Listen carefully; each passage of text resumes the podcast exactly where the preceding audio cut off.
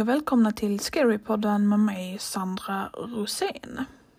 I veckans avsnitt så har jag två berättelser som jag nu tänkte berätta för er. Den första handlar om eh, att bo på universitetet och den andra handlar om att köpa sitt eget första hus. Med det sagt så tycker jag inte att jag ska behöva uppehålla er länge till utan jag tycker bara vi sätter igång på direkten.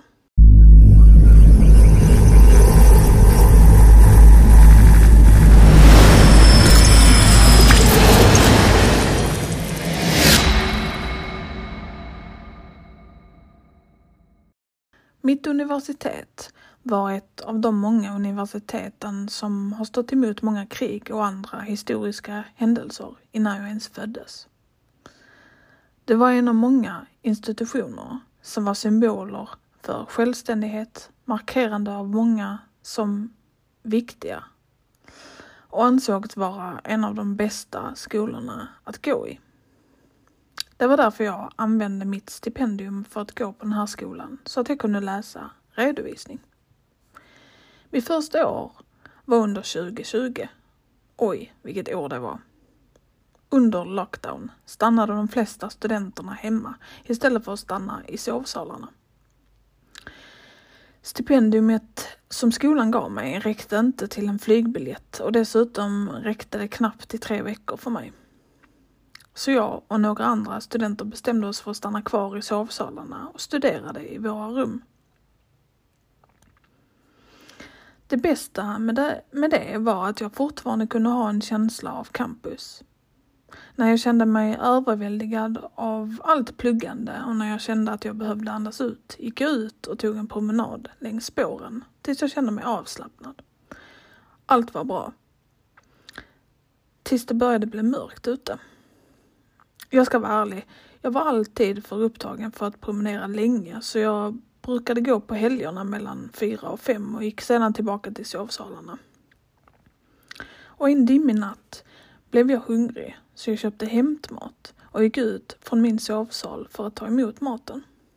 Jag gick förbi fältet när jag märkte en dimmig sak som vilade mot väntskjulet där min mat väntade. Men det såg definitivt inte ut som en förare.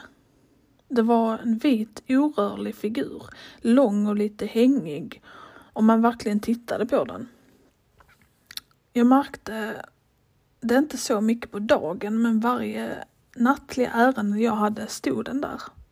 Tyst ser den mig passera förbi fältet fram till skjulet. Det var läskigt men det var inte den enda skräckexemplet jag skulle få uppleva eller känna.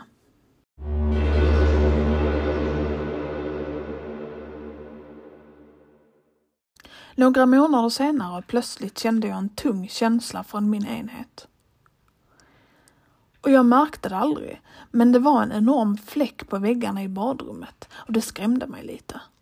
Jag kontaktade skolan om det. De sa att de skulle fixa det och att jag då fick byta enhet om det var okej okay för mig. Och jag gick med på det. Vilket ledde mig till nästa händelse som gjorde mig rädd för mitt liv.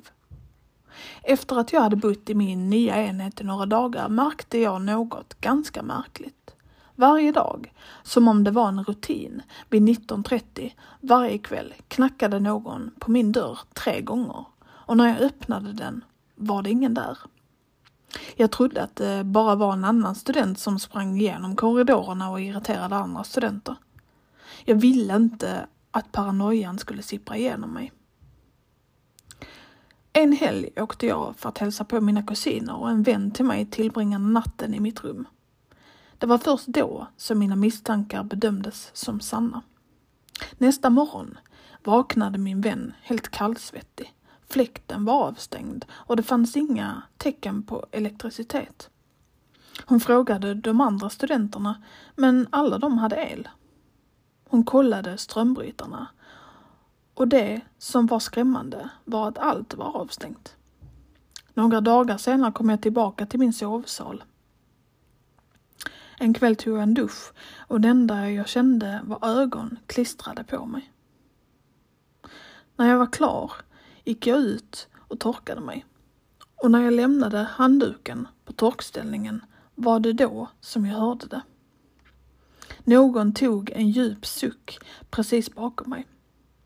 Alla hårstrån på min kropp ställde sig upp och jag kunde inte göra annat än att leva med det tills att jag hade tillräckligt med pengar för att flytta ut från sovsalarna.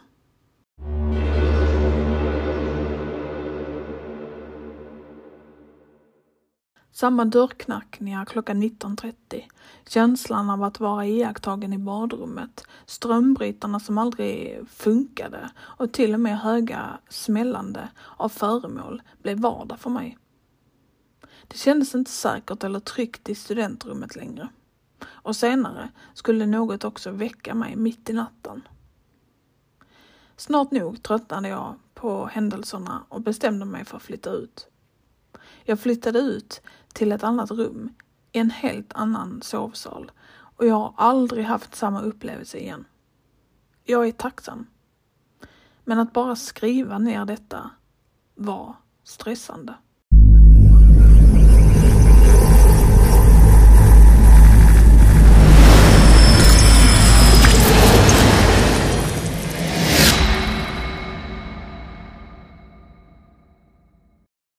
Ända sedan jag var liten har jag alltid velat ha ett eget hus en dag.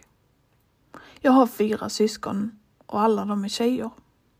Och de var alltid så högljudda. Antingen så bråkade de om vem som skulle duscha först eller vem som tog vems smink och var den och den sladdare tog vägen. Poängen jag försöker få fram är att de alltid hade något att bråka om. Jag önskade så mycket att min mamma skulle få en pojke till, men jag antar att jag inte önskade tillräckligt hårt. Bara tanken på ett lugnt hus för mig var himmelriket. När jag fyllde 18 var jag äntligen tillräckligt gammal för att flytta ut och jag var så exalterad. Att ha ett hus helt för mig själv får mig att skratta, för det var så svårt att tro. Jag flyttade in i den här lilla lägenheten för ett par månader sedan och de första två månaderna var fantastiska. Det fanns inga skrikande systrar, ingen sprang runt i huset och det bästa av allt, det finns ingen kö till badrummet. Allt i den här lägenheten var mitt och jag tänkte inte låta det gå till spillo. Mina vänner kom över mycket för att titta på min lägenhet och de sa alla att den var liten. Men jag brydde mig inte. Det var min lägenhet och den var tillräckligt stor för mig. Allt gick så bra tills för tre månader sedan. Jag vet inte varför eller hur, men jag har hört saker som kommer från min lägenhet. Vare sig det är saker som flyttar runt eller bara små saker som är malplacerade. Mina saker var aldrig på den plats jag lämnade dem senast.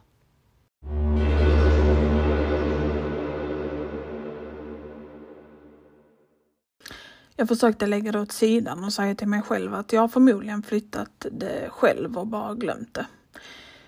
Eller jag har alltid haft dåligt minne så jag har förmodligen flyttat det. Jag försökte alltid övertyga mig själv om att det var jag som flyttade sakerna. Men det blev så illa att jag inte kunde skylla på mig själv längre. En natt när jag skulle gå och lägga mig hörde jag ett ljud komma från mitt vardagsrum. Jag reste mig snabbt upp för att titta, men såg ingenting. Jag skakade på huvudet och gick tillbaka till mitt rum. Såg till att jag stängde dörren bakom mig och la mig ner igen. Jag kunde inte somna, så jag bara stirrade upp i taket i hopp om att det var tillräckligt för mig att däcka. Efter att ha tittat upp i taket i drygt 30 minuter somnade jag till slut. Jag gick upp på morgonen med den största migränen. Jag tog min telefon för att skicka mitt dagliga godmorgon-sms och det var då jag såg det. När jag öppnade min telefon var jag inne på kameran. Jag kommer inte ihåg att jag hade klickat mig in hit, sa jag till mig själv. Jag går igenom mitt galleri och där ser jag ett foto som jag inte kommer ihåg att jag tog. Det var en bild på mig när jag sover. Jag bor ensam. Jag vet att jag bor ensam. Så varför finns det ett foto på mig när jag sover? Jag hoppar ut ur sängen och söker igenom mitt rum bara för att inte hitta någon i sikte. Jag ringer min mamma och berättar snabbt vad jag hade varit med om. Hon satte sig i sin bil så fort hon kunde och körde till min lägenhet.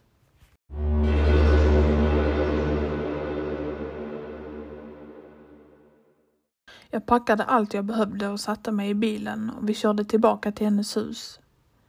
Jag tänkte inte ta mina chanser och stanna i det huset längre.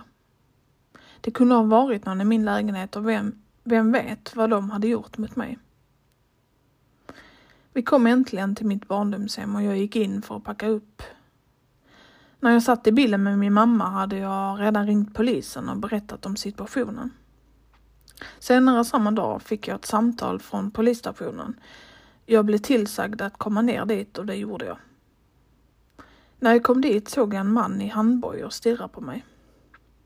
Jag vände mig om för att gå till receptionen. Jag blev kallad hit, sa jag till damen vid skrivbordet. Ja, vi ville berätta att vi hittade personen som var i din lägenhet. Jag blev chockad. Efter att ha hört allt som rörde sig i mitt hus behövde jag se vem det var som kom in i min lägenhet varje kväll. Hon ledde mig fram till mannen. Den här mannen här, säger hon. Jag tittar på honom. Det här är mannen som har kommit in i min lägenhet varje natt. Jag stirrar på honom. Mer som att bo i din lägenhet, suckar hon. Vi hittade honom i dina väggar. Det fanns en liten dörr som vi nästan missade och där hittade vi honom sovande. Jag kunde inte tro vad jag hörde.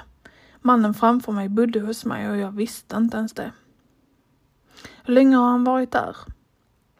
Ungefär sex månader. Jag var mållös. Jag har bott där i nästan fem månader. Det betyder att det har bott en man hos mig hela tiden. Jag ville inte höra mer, så jag lämnade polisstationen. Ända sedan den dagen har jag aldrig velat bo själv igen.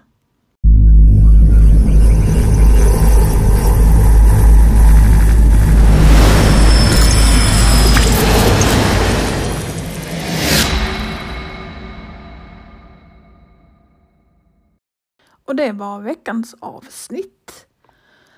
Vad tyckte vi om det då? Jag måste bara börja med att säga en sak i alla fall. Det är så obehagligt eh, att tänka på att det bor någon annan. Man flyttar in, kanske inte i en lägenhet, men i ett hus är väl mer, mer troligt. Att det bor någon i väggarna. Liksom. Eh, och det jag alltid brukar säga och alltid brukar tänka att det som är läskigare än allt övernaturligt är alltså riktiga människor. Det är dem vi ska akta oss för och det är dem man ska vara rädd för. Men ja, vad ni tyckte om avsnittet kan ni dela med er av antingen på Instagram där jag heter Scarypodden eller på Facebook där jag har en grupp som heter Scarypodden eftersnack. Ni får gärna gå med där. Det hade varit superkul. Men har ni varit med om någonting som ni vill dela med er av, som ni vill att jag ska ta upp i ett kommande avsnitt eller om ni har skrivit en berättelse, vad som helst, så kan ni mejla det till scarypodden hotmail.com. Det hade varit jättekul.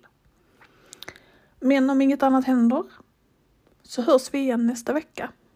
Och tack för att just du lyssnade.